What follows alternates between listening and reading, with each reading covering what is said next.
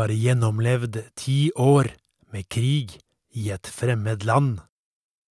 Mange ganger har du kjent frykten herje i kroppen, mange ganger har du stirret døden i hvitøyet. Du har sett nære venner falle for fiendens sverd, du har sett grusomheter som ikke kan nevnes med ord. Ditt sinn er herdet. Men eh, skjebnen har flere prøvelser enn en mann kan ane. Ennå er ikke gudene ferdig med deg. Bare vent og se.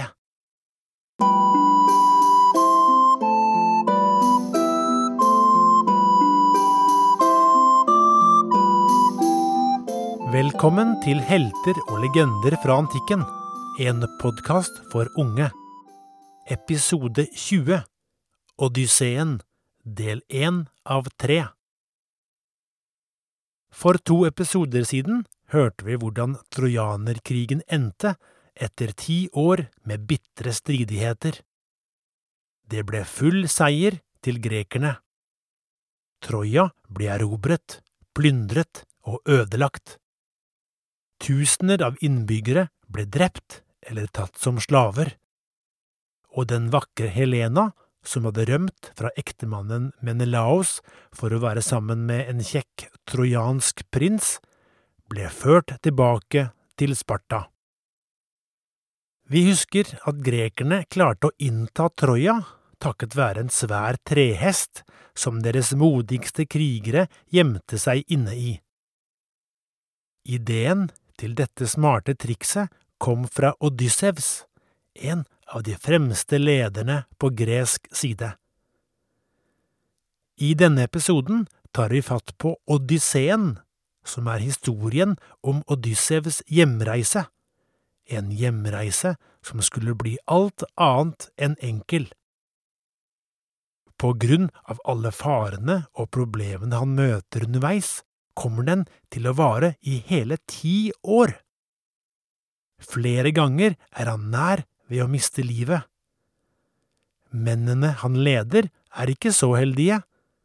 I løpet av reisen omkommer de alle som en. Men eh, Odysseen er også beretningen om en trøblete hjemkomst, for når han endelig kan sette føttene på hjemlandets grunn, står han overfor mange nye problemer. Det er likevel ferden over havet som fascinerer aller mest, og det er ingen overdrivelse å si at Odysseen er historien om verdens mest berømte sjøreise. I hvert fall er det historien om den mest strabasiøse. Mange regner også Odysseen som Europas første roman.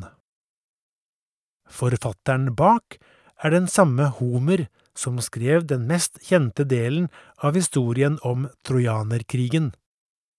Man tror Homer levde på syv- eller åttehundretallet før Kristus, så det er ganske utrolig at vi kan lese historien i dag, 2700 år senere. Før vi kjører i gang, må vi bli bedre kjent med hovedpersonen.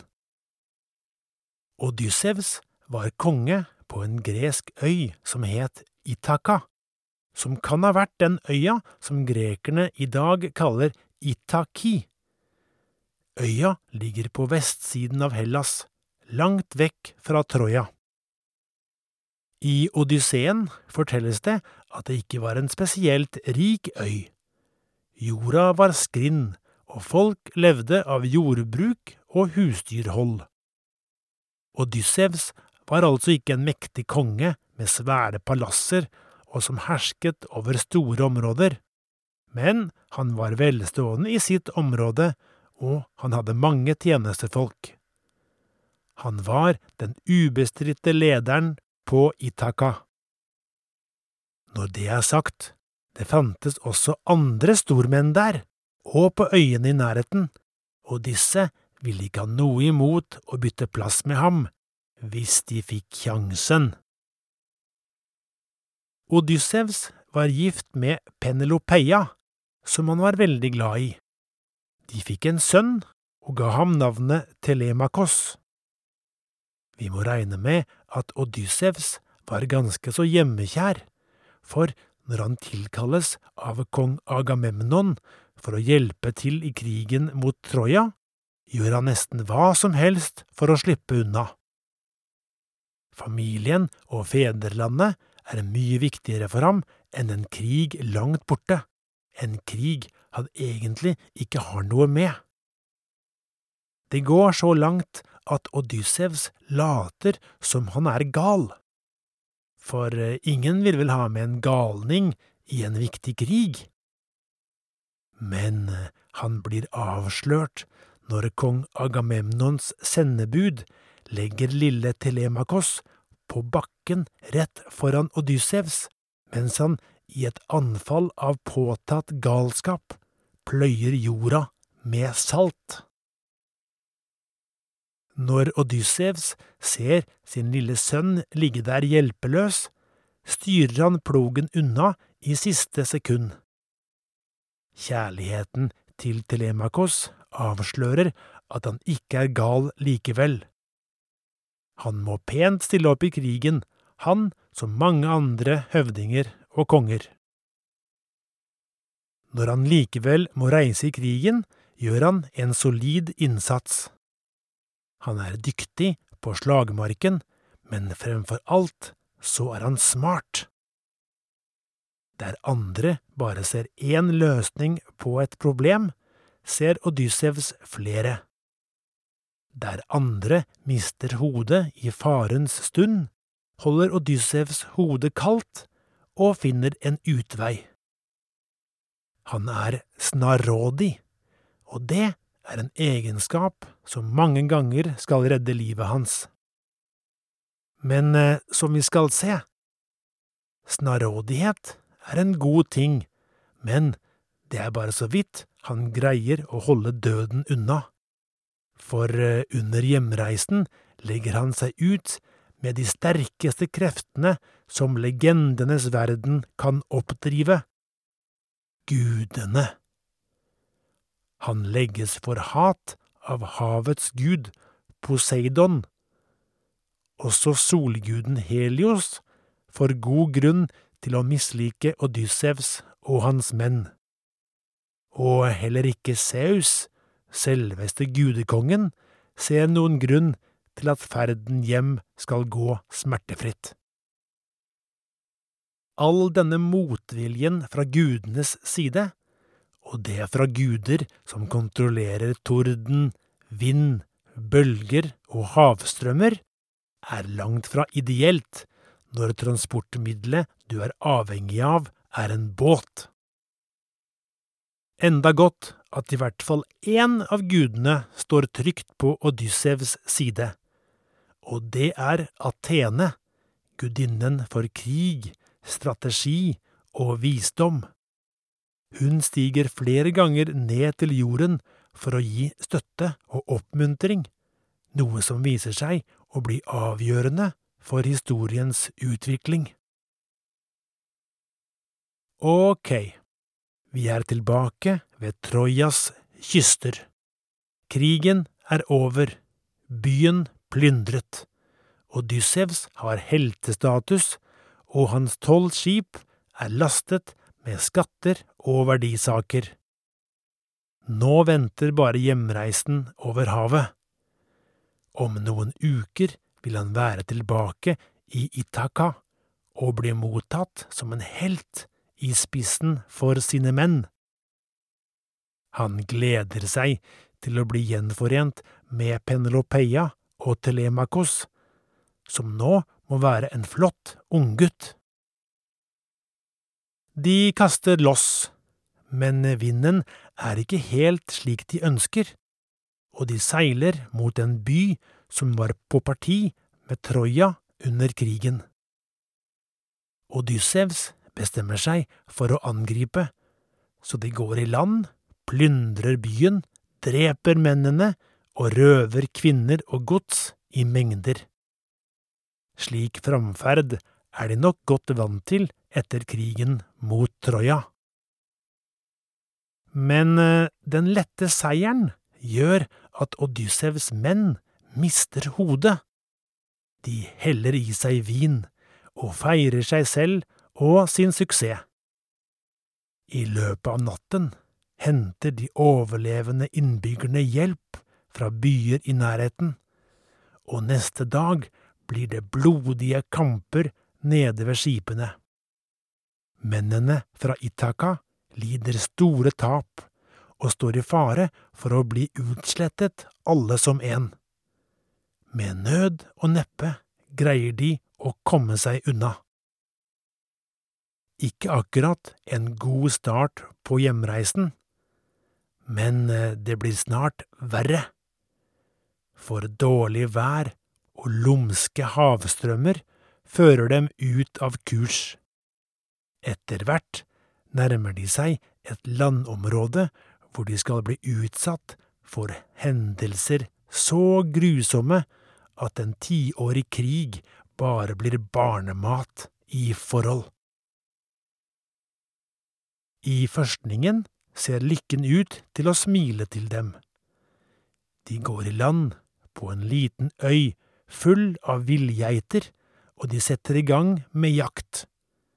Snart fråtser de i saftig kjøtt. Men eh, like i nærheten ligger det et landområde som de ønsker å undersøke nærmere. Odyssevs seiler over dit og går i land med tolv av sine modigste menn. De ser en stor hule som åpenbart er tilholdssted for en mengde sauer og geiter, men de forstår også at det bor folk på øya. Av størrelsen på steingjerdene og fra andre tegn forstår de at øyas innbyggere må være av enorm størrelse, en slags kjemper. Det demrer for Odyssevs at de er kommet til kyklopenes land. Kykloper er enøyde giganter. Odyssevs lar seg ikke avskrekke av hva som måtte vente dem, og fra båten tar han med seg en geiteskinnsekk fylt med rød, honningsøt vin. Dette kan være en kjekk gave hvis de kommer ut for en svær villstyring med liten sans for lover og ingen begreper om folkeskikk. De går forsiktig bort til hulen, men ser straks at ingen er hjemme. Huleboeren er nok ute og gjeter sauene. De trer inn i halvmørket og kommer over store mengder ost og melk som de forsyner seg rikelig av. Mennene vil nå helst vende tilbake til skipet, men eh, Odyssevs er nysgjerrig på å møte vesenet som bor i hulen. Ja, kanskje huleboeren vil ta godt imot dem og forære dem en gave? Det tar ikke lang tid før kyklopen kommer. Han er enorm, med et svært øye midt i panna, og han er i det hele tatt motbydelig å se på, og han ser langt fra vennlig ut. Odyssevs og mennene hans blir fra seg av skrekk. Skrekken blir til panikk når kyklopen, som heter Polyfemos, stenger utgangen med en kampestein. De er innesperret uten mulighet for flukt. Når kjempen gjør opp ild, får han plutselig øye på mennene. Han spør bryskt hvem de er, og hva de gjør i hulen hans. Den kolossale skikkelsen og den buldrende stemmen får Odyssevs og mennene hans til å skjelve av redsel men eh, de klarer å stotre fram at de er grekere på vei hjem, og at de i respekt for Saus fortjener både beskyttelse og gjestfrihet.